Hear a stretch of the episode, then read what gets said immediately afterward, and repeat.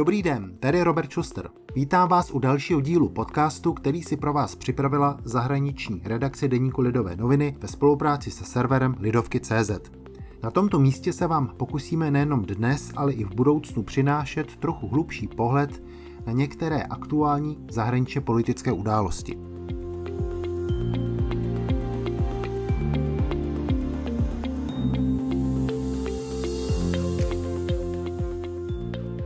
Po delší době se dnes znovu zaměříme na Rusko, jeho roli v evropské politice, vliv na nejbližší sousedy. Řeč ale bude i o Bělorusku, které na sebe v minulých dnech upozornilo v souvislosti s odkloněním letadla společnosti Ryanair na své území. Pod záminkou bomby na palubě, ve skutečnosti ale hlavně proto, že mezi cestujícími byl nepohodlný novinář blízký opozici. Nejenom o tom, ale třeba i o právě probíhajícím světovém šampionátu v ledním hokeji dnes budeme hovořit s Jiřím Justem, pravidelným dopisovatelem Lidových novin z Moskvy. Dobrý den, Jiří. Dobrý den, zdravím z Moskvy. Na úvod eh, musíme samozřejmě to Bělorusko, protože to je téma velké. Bylo to i na agendě eh, lídrů Evropské unie. Eh, ale kdybychom se trošku podívali pod povrch té události, tak co případ toho my si můžeme klidně říct, uneseného letadla s opozičním novinářem Romanem Protasevičem na palubě, ukázal o povaze a hlavně o aktuální kondici eh, běloruského systému. Já bych řekl, že to ukazuje, že eh, ruský, eh, promiňte, běloruský režim Alexandra Lukašenka si je jistý v kramflecích, že si dokáže dokonce v předdveří, tehdy ještě to bylo v neděli, se to stalo 23. dubna, v předdveří samitu Evropské unie provést takovou uh, operaci, která samozřejmě nemohla nevyvolat uh, reakci Evropské unie vůbec celého západu. Proto já soudím, že uh, Aleksandr Lukašenko si je jistý, je jistý, že jeho režim nic nenaruší a byl si zřejmě i jistý tím, že Evropská unie bude laxně reagovat, že se asi smířila s tím, že běloruský režim provádí velice kruté, tvrdé persekuce běloruské opozice. A vlastně do té doby, do toho incidentu s letadlem, které bylo nucené přistát v Minsku, se Evropská unie nějak neozývala, protože já bych si chtěl podotknout, že do incidentu s Prtasevičem dochází vlastně k likvidaci, podotýkám opravdu k likvidaci nezávislých médií v Bělorusku, kdy běloruský režim si došlápl na řadu nezávislých médií, abych zmínil třeba nejznámější server Tudby, který byl fakticky rozprášen, jeho vedení sedí ve vazbě, někteří už dostali Někteří novináři už dostali dokonce i tvrdé testy, tresty několik let vězení.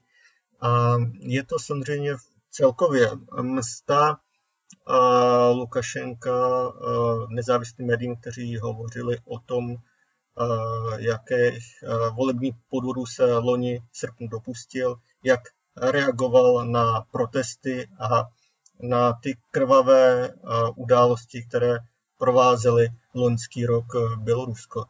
Takže, mm, jak říkám, Lukašenkův režim si je jistý v kramflecích, proto se dopustil i této operace, ale nepočítal asi s tou tvrdou reakcí Evropské unie.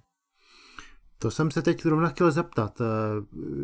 Do jaké míry skutečně může reálně, řekněme, ten soubor opatření, především blokáda toho dopravního vlastně spojení, když to řeknu tak jednodušeně, mezi Evropskou unii a Běloruskem skutečně eh, ten systém, eh, který Aleksandr Lukašenko už řadu let eh, v Bělorusku udržuje, ohrozit. Je to skutečně, jak jste na úvod říkal, že Unie na, po těch manipulovaných volbách a na ty protesty loni reagovala spíš laxně, tak je naopak toto teďka ten tvrdý ten tvrdý postup, který třeba Lukašenko možná, s kterým možná nepočítal, když nařídil odklonit to letadlo?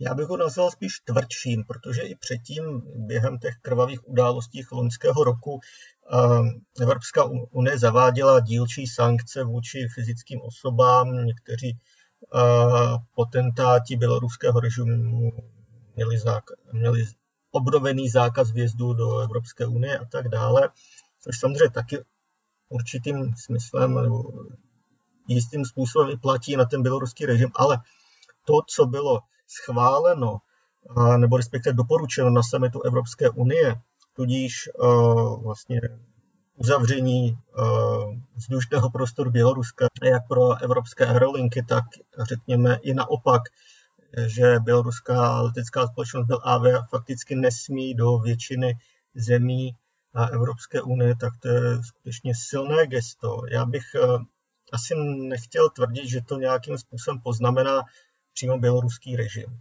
Pokud by se mm, Evropská unie odhodla eh, na sankce vůči vývozu draslíkových hnojiv, eh, o čem se také spekuluje, tak to by bylo samozřejmě mimořádný zásah pro, pro Minsk, bez zesporu, protože je třeba si uvědomit, že eh, Bělorusko vlastně kontroluje 20 mm, exportu, anebo vůbec i výroby těch draslíkových hnojiv a to je, to je prostě zásadní komodita pro, pro běloruský režim. Ale když se vrátím k tomu, o čem jsme hovořili, o té, té letecké dopravě, tak samozřejmě to také pocítí Minsk, protože i za přelety nad běloruským územím se platí, samozřejmě.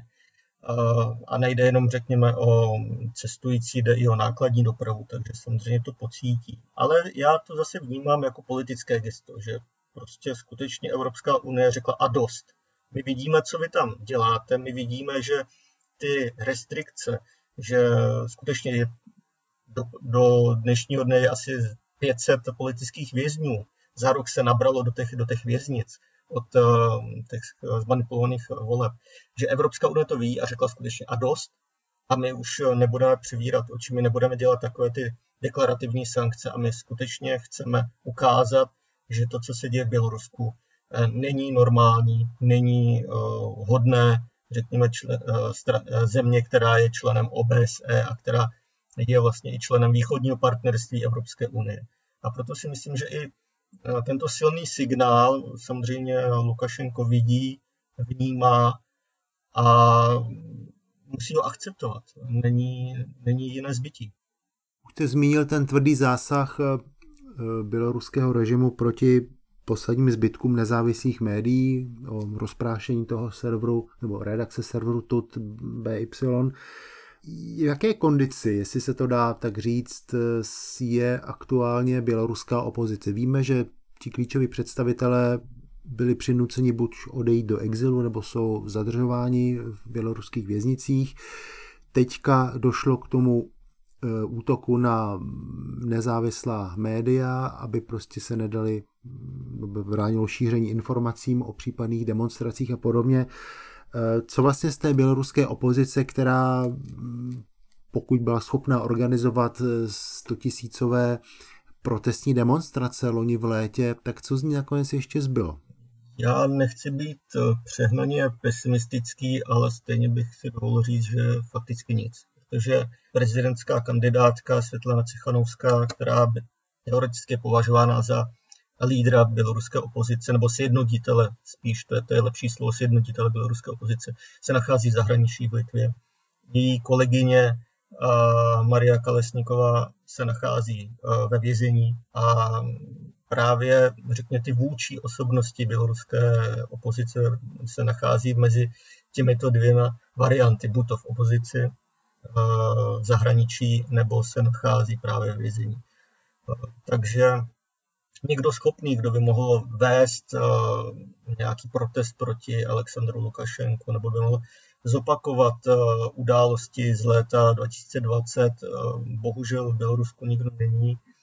A naopak, asi si je toho vědom i běloruský režim, protože ty restrikce sílí, ty jsou vlastně zatýkáni i prostí aktivisté, kteří nějakým způsobem se účastnili protestu nebo se vyjadřují negativně vůči, vůči režimu a já si myslím, že hm, běloruský režim, pokud bych se mohl do, do jako nějaké přirovnání zmínit, tak asi se nachází někde v 70. letech Československa, kdy opravdu jakékoliv opoziční hnutí je prostě převálcováno, je, jsou používány represivní metody a ten, kdo nejde, proti, kdo nejde s námi, tak je proti nám a to znamená, že skutečně jsou vystaveny tvrdým testům, trestům, tvrdým represím a jsou asanováni, pokud bych zase využil naši retoriku, tak jsou asanováni do zahraničí. Dá se říct, že tenhle ten tvrdý přístup vůči odpůrcům režimu je něco, co pochází primárně, řekněme, z Běloruska, že to má prostě i to, že ta tajná služba se stále ještě jmenuje KGB, což je určitý, řekněme, symbol, anebo třeba probíhá i nějaká koordinace třeba s Ruskem, s ruskými bezpečnostními složkami, co, co o tom se dá říct, o tomhle tom přístupu? Je to skutečně něco unikátně, řekněme, běloruského, lukašenkovského v úzovkách? Já bych řekl, že to je spíš taková typická věc pro posovětský prostor, že něco takového jsem viděl, řekně, před 20 lety na Ukrajině, v Moldavsku jsem to taky viděl před 15 lety. A, ale Bělorusko má tu tradici mnohem delší a přetrvávající, protože kdybych se trošku odsunul k Rusku, tak tam samozřejmě také dochází k represím, také dochází k pronásledování opozice, ale řekněme, ty tvrdé eh, represe začaly, dejme tomu, v roce 2012, když došlo eh, skutečně k velkým opozičním akcím proti znovu zvolení Vladimíra Putina. Do toho roku 2012, obzvlášť v roce 2010-2011, to bylo, řekněme, svobodnější. Mm, ruská opozice mohla fungovat částečně i legálně, ale to rozhodně neplatí o Bělorusku. Už tehdy v roce 2010, 2007 platilo to, že běloruský režim nepřipouští žádnou opozici, zejména antisystémovou opozici, která by nějakým způsobem chtěla svrhnout, ať už legální cestou prostřednictvím voleb nebo nelegální cestou Lukašenkou vládu. Já bych ještě chtěl připomenout, že když přišel Aleksandr Lukašenko k moci v polovině 90. let, tak on se dokonce neštítil i politických vražd, což je už dokázáno, to není žádná pomluva.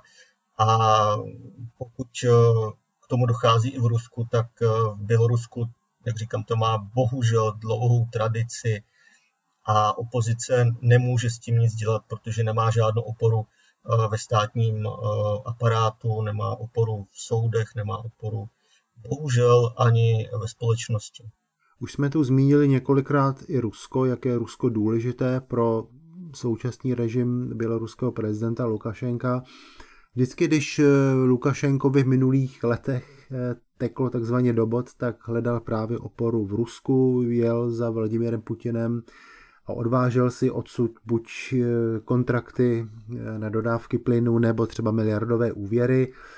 Oba mají plánovanou schůzku i tentokrát, teda po událostech eh, souvisejících s únosem toho letadla. Eh, co by vlastně z těch jednání, a hovoříme v době, kdy ještě nevíme, co z nich vylezlo, co by, mohl pro, co by si tentokrát mohl Lukašenko ze Soči eh, odvést? Je to hm, zase třeba nějaká další ekonomická podpora, anebo třeba i nějaký hm, závazek, že tu dlouho Lukašenkem zdržovanou integraci mezi Ruskou federací a Běloruskem teda nakonec bude muset eh, přijmout nebo na ní přistoupit.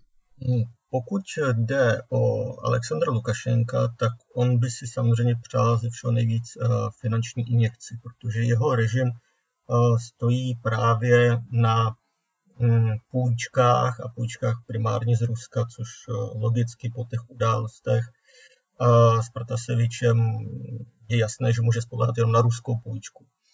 A tudíž on, aby si udržel u moci, aby jeho režim mohl nějakým způsobem fungovat, aby jeho podniky měly zakázky, tak on bude spolehat právě na to, že Vladimir Putin hm, přistoupí na nějakou finanční injekci. Vladimir Putin naopak, a to je zcela zřejmé, bude tlačit na to, aby došlo k nějaké hlubší integraci v tom takzvaném svazovém státě, tudíž aby, mm, aby Bělorusko se postupně a třeba bude možná i tlačit na nějaký jasný plán, aby podle nějaké cestovní mapy skutečně Bělorusko dodrželo tu integraci, aby se postupně stalo částí mm, ať už formálně nebo deklarativně, to je úplně jedno, toho, té, Ruské federace. A právě ta záležitost s Patasevičem je asi ten zásadní bod, okolo kterého se to bude točit, protože Vladimír Putin ví, že Aleksandr Lukašenko teďka už nemá žádnou šanci si zlepšit vztahy se Západem. Dokonce i kdyby toho zmíněného novináře nějakým způsobem vyměnilo za západní podporu nebo cokoliv, co, co, by, co by mohl zkusit Aleksandr Putin, tak stejně ty vztahy mezi Běloruskem a Evropskou unii se nezlepší, on peníze nedostane a pochybuji o tom, že v Evropské unii někdo skočí na to, že mm, výměnou za Protaseviče se můžou zlepšit vztahy. Asi k tomu nedojde. A proto, jak podotýkám, Vladimir Putin bude tlačit eh, v tomto ohledu na to, aby ta integrace skutečně proběhla. Ale je třeba si uvědomit, že přestože je mm, Aleksandr Lukašenko velice extravagantní politik, eh, tak on si vždycky dokázal eh, s Vladimírem Putinem poradit. Dokázal si vyhandlovat to, co, to, co potřeboval s minimálními ztrátami pro Bělorusko. Vy jste zmínil vlastně plyn, protože to je taky taková zásadní otázka v bělorusko-ruských vztazích a vůbec dodávky energetických surovin.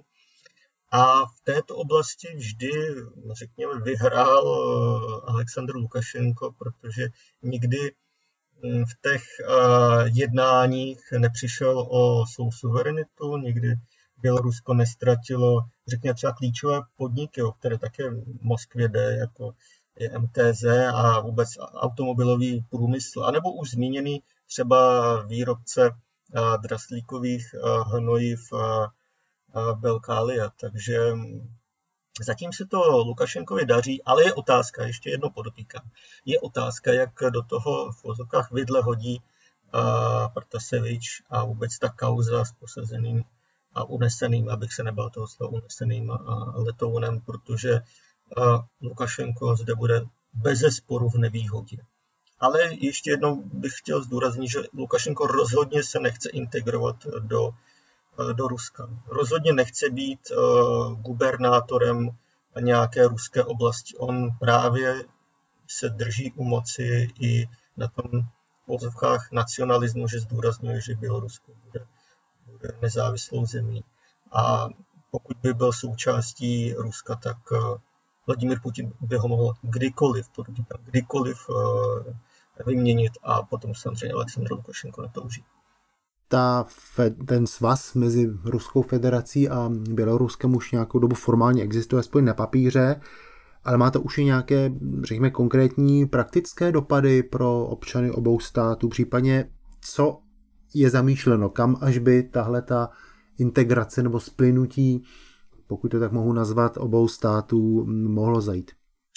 Je takovým paradoxem, že ten projekt ještě v roce 1995, potažmo 99, kdy byla podepsána dohoda o tom svazovém státu, a prosazoval právě Aleksandr Lukašenko, protože panuje takový, řekněme, drb, že Aleksandr Lukašenko to prosazoval, protože se viděl jako příští ruský prezident. Že tehdy s Borisem Jelcinem to bylo velice nahnuté, měl nízký Eh, rating měl nízkou popularitu. A naopak eh, Aleksandr Lukašenko jako řekněme symbol běloruského zázraku, kdy běloruská ekonomika v 90. letech víceméně šlapala na rozdíl od, od té ruské, tak právě se chtěl prosadit, řekněme, více na východ a viděl se už v Kremlu, což mu přirozeně Vladimír Putin překazil tuto strategii. Jestli ten svazový stát funguje, částečně ano. Částečně ano, samozřejmě Rusko prosazuje, nebo respektive celé té smlouvy je řada bodů, které by měly řekněme, vytvořit eh, takový postsovětský stát. Například by měla být jednotná měna, měly, být, měly by být jednotné hranice, měl by být jednotný parlament, jednotná vláda a tak dále a tak dále. A na což samozřejmě Aleksandr Lukašenko teďka nechce přistoupit. Jediné, co se podařilo v nedávné době, tak to je, řekněme, sloučení víz, ve vízové oblasti, tudíž, že Bělorusko by mělo přiznávat i respektive uznávat, uznávat ruská víza a naopak, tudíž, aby cizinci mohli třeba výjíždět do Ruska přes Bělorusko pohodlně, aby nemuseli mít transitní víza. Na to se dohodli, ale samozřejmě, aby byla nějaká společná ekonomika, někomu, respektive někomu v Bělorusku to nevyhovuje. Ale v současné době, jak jsem řekl, existuje společný parlament svazového státu, existuje nějaká vláda, mají společný rozpočet na nějaké určité projekty, ale to neznamená, že tato vláda, tento parlament zasahuje do záležitostí těch národních států, respektive Ruska a Běloruska, že by nějakým způsobem určovalo pohyb eh, jak v ekonomice, tak v zahraniční politice nebo na domácí scéně. Je to skutečně takový, takový zašmodrchaný projekt, který, jak podotýkám, je spíš kalkulem než, než, nějakým, než nějakou výhodou pro, pro oba státy. Pro Rusko teďka je výhoda samozřejmě to, že by rozšířilo své hranice. A předtím byla výhoda, že se Lukašenko chtěl stát ruským prezidentem, ale teďka najít nějaké styčné body, které by skutečně pomohly sjednocení obou států, je velice těžké. Když jsme tedy hovořili o podpoře Vladimira Putina pro Alexandra Lukašenka, že vždycky se teda Lukašenkovi dařilo, eh, dá se říct, eh, dosáhnout to, čeho chtěl on a Putin jako by byl ten, kdo musel ustupovat. Myslíte si, že třeba Putin nebo speciálně ruská vláda má třeba v záloze nějaký plán B v podobě nějakého alternativního kandidáta v rámci Běloruska, koho by třeba mohli v případě, že by už ta situace byla s Lukašenkem neúnosná a že by chtěli buď udělat nějaký úkrok stranu a podobně, že by teda toho kandidáta potom mohli, mohli jaksi vytáhnout a, a prosadit ho na Lukašenkovo místo? Hmm, určitě, o tom se hovořilo právě i loni v létě, eh, když eh, byly ty volby, tak eh, pan Babarika, který vlastně vedl pobočku Gazprom banky v Bělorusku, tak byl považován za ruského kandidáta a nejenom za, řekněme, pro ruského kandidáta, ale i skutečně kandidáta, který měl šanci porazit právě Aleksandra Lukašenka, protože on byl, řekněme, víceméně prorusky orientovaný, byl to vzdělaný diplomat, ekonom, týž, řekněme, takový lídr moderního střihu, který by vlastně vyhovoval všem. Vyhovoval by i běloruské společnosti, protože on nabízel žádné radikální eh, reformy, které by je vystrašily. A samozřejmě i Rusko, protože ty vazby na Rusko byly. No ale co se stalo s panem Babarikem? Samozřejmě před volbami ho mm, běloruský režim obvinil z defraudace a posadil ho do vězení. A tudíž eh, to vlastně vypovídá o tom, jakou šanci mají proruští kandidáti v Bělorusku. Kreml může mít eh, klidně 10, 15, 20, to je úplně jedno, kolik chce kandidátů, ale dokud Lukašenko ovládá běloruský prostor, ovládá represivní orgány, ovládá státní moc, tak eh, žádný kandidát, už západní nebo ruský, nemá šanci. A nedávno se chtěla eh, zaregistrovat do možných eh, parlamentních voleb eh, pro ruská strana eh, Sojus, která právě jako řekněme navrhuje to těsnější zblížení mezi Běloruskem a Ruskem, ale registraci od běloruských úřadů nedostala. Protože jediný, kdo řídí tu integraci mezi Běloruskem a Ruskem, je pan Lukašenko. Pokud vezmeme ten aparát, tak eh, třeba šéf eh, prezidentského úřadu je bývalý vysoký příslušník KGB, tudíž my můžeme hovořit samozřejmě o tajných službách, které vlastně podrželi loni v létě eh, Alexandra Lukašenka a on zůstal u moci. Samozřejmě jsou to veškeré silové složky, kterým běloruský režim slušně platí a slušně motivuje a Oni vědí, že bez Lukašenka vlastně jejich, řekněme, kariéra a možná, řekněme, i osud na svobodě spečetěn. Pak samozřejmě to jsou ty zmiňovaní, řekněme, státní manažeři, kteří jsou také závislí samozřejmě na režimu, protože oni od jejich podniky dostávají od režimu zakázky, a oni se mohou udržet hm, na svém místě. Ale samozřejmě to jsou i obyčejní obyvatele Běloruska, protože pokud vezmeme vůbec celý ten postsovětský prostor, tak je nutné si uvědomit, že mm, tam platí určitá sovětská nostalgie, paternalismus a mimořádná obava z otřesu.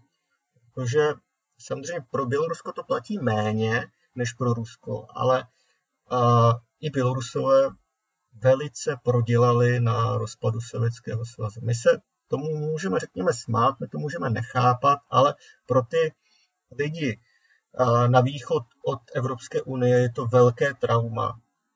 A to trauma bude pokračovat, řekněme, ještě 20 let, dokud nepřijde třetí generace lidí, kteří skutečně už zažili nějaké jiné období. A, a proto, pokud jim běloruská státní propaganda sugeruje, že ti, kteří vychází na ulici, protestují proti režimu, chtějí otočku na západ, chtějí privatizaci, chtějí NATO, chtějí do Evropské unie, tak oni z toho logicky obávají. Oni chtějí spolupracovat s Ruskem, oni chtějí mít to málo, které mají, oni chtějí žít tím svým životem a psychický stres. Proto je nutné vnímat i tuto roli té propagandy a vůbec toho celkového vnímání té situace, která samozřejmě opozici bohužel nepomáhá, to je, to, to je fakt, ale prostě tak to chodí na tom východním prostoru a s tím je samozřejmě nutné pracovat, ale je třeba to i nutné vnímat, že prostě tak to je. V těchto dnech probíhá mistrovství světa v ledním hokeji, jehož mělo být Bělorusko původně spolupořadatelem. Eh, brali to vlastně v Minsku svého času jako křivdu, že jim bylo pořadatelství kvůli násilnému potlačení protestu po loňských prezidentských volbách odebráno? No, bez zesporu. Samozřejmě to vnímal i Lukašenkov režim jako, jste zmínil, že to je podlý čin, protože no, pro Lukašenka je hokej, řekněme, to, čím on se prezentuje jako, řekněme, prezident vůdce, protože on je kapitán i národního, nebo respektive toho svého týmu, kde on střílí góly. Takže i pro něho je to, řekněme, z hlediska té prezentace velice, velice citlivé a nepříjemné. Režim, jak říkám, se tím chtěl ukázat na mezinárodní scéně, že je schopen překonat jakoukoliv krizi, že je schopen uspořádat dokonalý eh, šampionát, takže skutečně tím utrpělo ego Alexandra Lukašenka, řekněme i, i ego jeho, jeho režimu. Já když hovořím s běloruskými poslanci, které znám, tak jim je to samozřejmě líto. Je jim to líto, protože oni se chtějí přece prezentovat jako normální země. A to je také je sankce. Je to, je to sankce, když se hovoří o běloruském hokeji, tak se hovoří o tom, že nemají to mistrovství.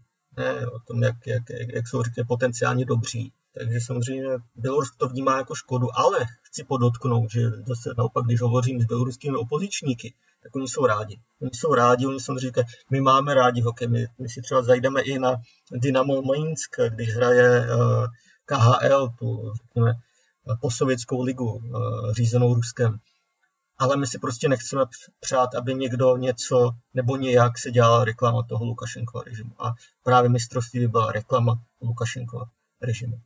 Má vlastně hokej v zemích postsovětského prostoru, hlavně teda v Rusku a Bělorusku a dalších republikách, stále ještě tak velkou rezonanci u veřejnosti, jako tomu bylo kdysi? To znamená, že skutečně v dnech, kdy se koná mistrovství světa, že tím ty země eh, skutečně žijí tím hokejem? Já bych neřekl, že přímo tím žijí, ale eh, rozhodně rezonuje. V Bělorusku, jak už jsem podotkl, Aleksandr Lukašenko vede ten svůj, řekněme, v pozovkách národní tým hvězd a on se tím prezentuje jako, jako lídr, jako prezident ve skvělé fyzické vůbec sportovní formě. A to samé platí o Vladimíru Putinovi. Ten také samozřejmě se rád vždycky blízkne s těmi sovětskými nebo ruskými hokejovými hvězdami. Nedávno vlastně se zase ukázal na mm, takzvané noční hokejové lize, což je, řekněme, liga, která je velice protěžována ruským režimem a samozřejmě to začalo jako, jako taková, řekněme, zábava starých uh, strejdů, kteří si jezdili uh, hrát hokej, ale z toho chopil režim a Vladimír Putin se tím právě zase prezentuje také jako výkonný sportovec, jako ten, kdo je schopen dát čtyři a více gólů, jak se nedávno ukázalo právě na tom mm, zmíněném zápasu ruských sovětských hvězd. Takže to samozřejmě platí a zase, když byly v roce 2018 volby, tak vznikl takzvaný Putinův tým a vedl ho Aleksandr Ovečkin, známý hokejista, který hraje sice ve Spojených státech za Washington Capitals, ale má velice, řekněme, vřelé vztahy s Ruskem a s ruským režimem. Takže a samozřejmě ruský režim i běloruský režim hokej využívá, využívá ho, ale spíš z hlediska té zase sovětské a ruské nostalgie. A ukazuje se tím, že my jsme sportovní velmoc. My to dokážeme. My dokážeme kohokoliv, kdekoliv porazit na zahraničním hřišti. A to také ukazuje, řekněme, i tu sílu, sílu té země. Jediný, kdo asi má ten nejlepší přístup, je asi Kazachstán, který se nebojí toho a najímá třeba i hráče z Kanady, které pak domestikuje a, a vydává je za své. Tam už ta ideologie, řekněme, hokejová, ta už se dávno vytratila, tam už je jenom ten sport, ale Rusko, Bělorusko, tam je, tam je ta moc, tam je ta politika, tam je to dobývání západu na, na hokejovém hřišti. Když už jsme tady u toho Ruska, tak přece ještě bych se závěrem chtěl zeptat na jednu věc. Ruské národní mužstvo na světovém šampionátu nehraje pod ruskou vlajkou, na drese chybí tradiční ruská orlice, nehraje se ruská hymna eh, což je teda souvisí s, s těmi dopingovými záležitostmi. Jak se na tohle to dívají teď běžní rusové? Eh, je to z jejich pohledu další kapitola v tom věčném vlastně spiknutí západu vůči Rusku, anebo přeci jenom jsou ochotní přistoupit na to, že ta vina je, to znamená ta nedostatečná dopingová kontrola je na straně také Ruska a ruských funkcionářů a ruských sportovních týmů? No, v žádném případě. Já si myslím, že to ani dokonce neřeší. Jim jde spíš o to, že Západ nebo mezinárodní společenství jim sebralo dvouhlavého orla, zakázala jim hymnu a to je pro ně primární to, jestli nějaký sportovec bral, nebral v roce 2013, 14 nebo kdykoliv uh, doping, to jim je úplně jedno. Jim jde právě o tu prestiž teď a tady. A samozřejmě proto to vnímají velice negativně. A je zase úplně jedno, s kým se člověk baví, se zastáncem Putinova režimu nebo s opozičníkem, všem je to líto, popravdě řečeno. Protože tam zase hraje ta národní hrdost, zase se vracíme třeba do k těm sovětským a ruským úspěchům v hokeji. Oni se prostě chtějí prezentovat jako Rusko. Oni chtějí slyšet i tu hymnu, která samozřejmě má také sovětské základy, ale stejně je to jejich hymna. A Ruso, o Rusech je známo, že jsou vlastenci někdy i navzdory režimu. Tak to byl další díl světového podcastu Lidových novin, který vznikl ve spolupráci se serverem Lidovky.cz. Jeho redakční uzávěrka byla v pátek 28. května. Děkuji Jiřímu Justovi, že nám věnoval svůj čas a budu se těšit zase příště. Také děkuji, nashledanou.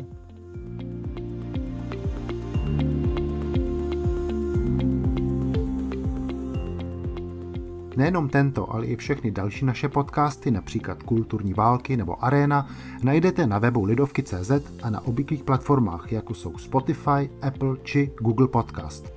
Budeme rádi, pokud si je poslechnete a budete je případně sdílet a doporučovat dál. Za pozornost vám děkuje a všechno dobré přeje Robert Schuster.